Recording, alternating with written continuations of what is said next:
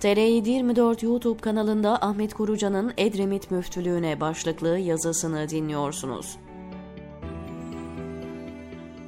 Bazı yazılar vardır, tarihin hafızasına emanet edilir. Okumaya başladığınız yazı da onlardan biri. Sabah vakitlerinde tam evden çıkacağım sırada bir arkadaşım yazdı kısa bir mesaj olarak. Tüm dikkatimi veremedim ama meseleyi anlamıştım. İhtimal vermek istemedim önce ama örneklerini son 6 yılda o kadar çok gördük ki olmuştur, yapmışlardır dedim ve randevu aldığım işin peşine koştum. Birkaç saat sonra eve geldiğimde TR724 sayfasında konunun kısa bir haber olarak verildiğini gördüm ve bilgisayarın başına oturdum hemen. Neden mi bahsediyorum? Birkaç gün önce Hakk'ın rahmetine kavuşup Edremit'te toprağa verilen mükafat hanımefendinin cenaze namazının kılınmaması konusunda Edremit müftülüğünün veya Edremit müftülüğüne vekalet eden kişinin ya da müftülükte karar merciinde bulunan kişilerin verdikleri bir karardan ciddi bir itham ve iddia bu diyebilirsiniz. Evet öyle ama görünen köy kılavuz istemez. Cenaze namazını camilerimizde değil de mezarlıkta kılsanız olmaz mı demek başka nasıl anlaşılır ki? Neden? Kim bu kadın? Kim bu müftü? Bir ilçe müftüsü neden bir kadının cenaze namazı kıldırılmayacak diye emir verir? İlçe müftüsü kimdir sorusunu soralım önce. Edremit Kaymakamlığı'nın resmi sayfasında ilçe müftüsünün iş tanımı 21 madde halinde sıralanmış. İsteyenler bu linke bakabilir. Bunların içindeki hiçbir maddenin mükafat hanımın cenaze namazını kıldırmama emrini içine alacak yorumlara tabi tutulamayacağı aklı selim, vicdanı selim herkesin kabulleneceği bir gerçek. Hukukçuların ilgi alanına giriyor ama müftü ya da müftü namına bu kararın altında imzası olanlar bu kararlarıyla görevini, makamını, yetkisini kötüye kullanmışlar, idare hukuku kapsamında suç işlemişlerdir. Buradan Edremit Kaymakamı ve Balıkesir Müftüsü başta olmak üzere yetkililerin idari soruşturma başlatmaları gerektiğini söylüyorum. Eğer vazifelerini yerine getirmezlerse bugün olmadı yarın adalet mekanizmalarının adil bir şekilde işlediği günlerde bu konu yeniden gündeme gelecektir. Bu bir. 2. Fıkıh kitaplarındaki içtihadi yaklaşımları esas alarak diyelim ki dini bir vecibe olan cenaze namazı hayattayken kafir ve müşrik olduğu açıkça bilinen bir insan için kılınmaz. Pekala mükafat hanım böyle birisi mi? Müftü hakkında cenaze namazını kılmayın emrini verdiği bu kadını tanıyor mu? Ya da tanıyanların şahadetiyle mi böyle bir karar veriyor? Hayır ne müftü mükafat hanımı tanıyor ne de mükafat hanımın haşa kafire ve müşrike olduğuna dair bir emare söz konusu.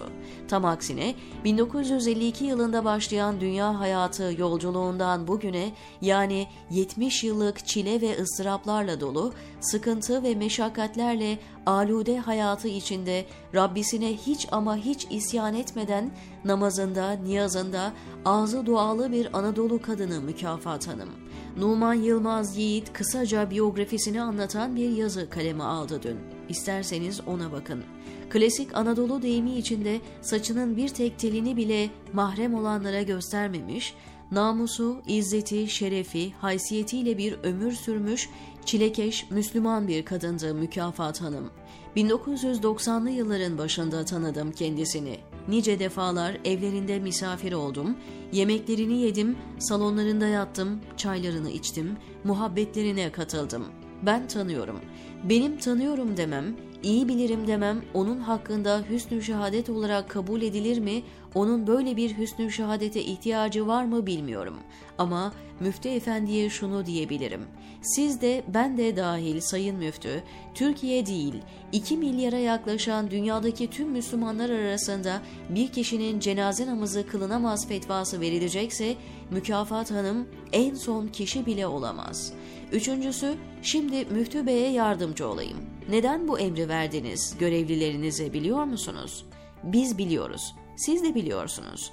Ama bu kararı verdiğiniz halde onu söylemeye cesaret edecek yürek yok sizde.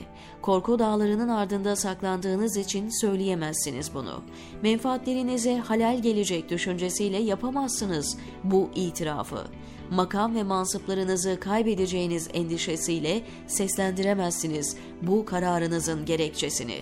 Daha fazla rencide etmeyeyim sizi. Gerçi etsem ne olacak? Utanacak yüz olmadıktan sonra. Yüzünüze gelecek tükürüklere Ya Rabbi şükür Nisan yağmuru yağıyor diyen zihni sefalet içinde boğulduktan sonra. Evet, rencide etsem ne olacak? Sayın Müftü, sizin mükafat hanımın cenaze namazı kılınmayacak emrini vermenizin altında yatan tek bir sebep var. Onun soyadının Gülen olması.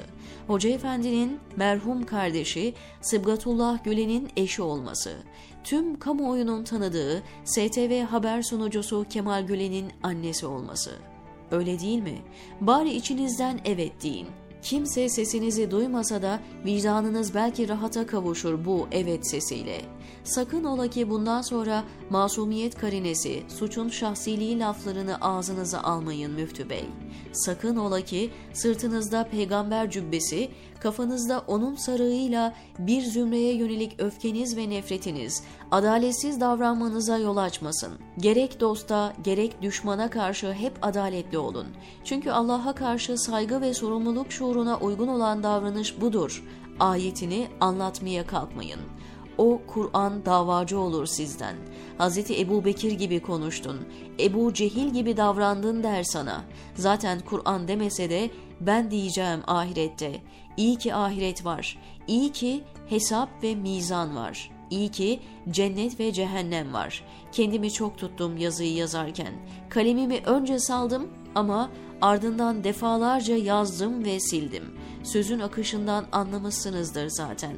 Arife tarif gerekmez. Son sözüm şu, yazıklar olsun, diyor Ahmet Korucan TR724'deki köşesinde.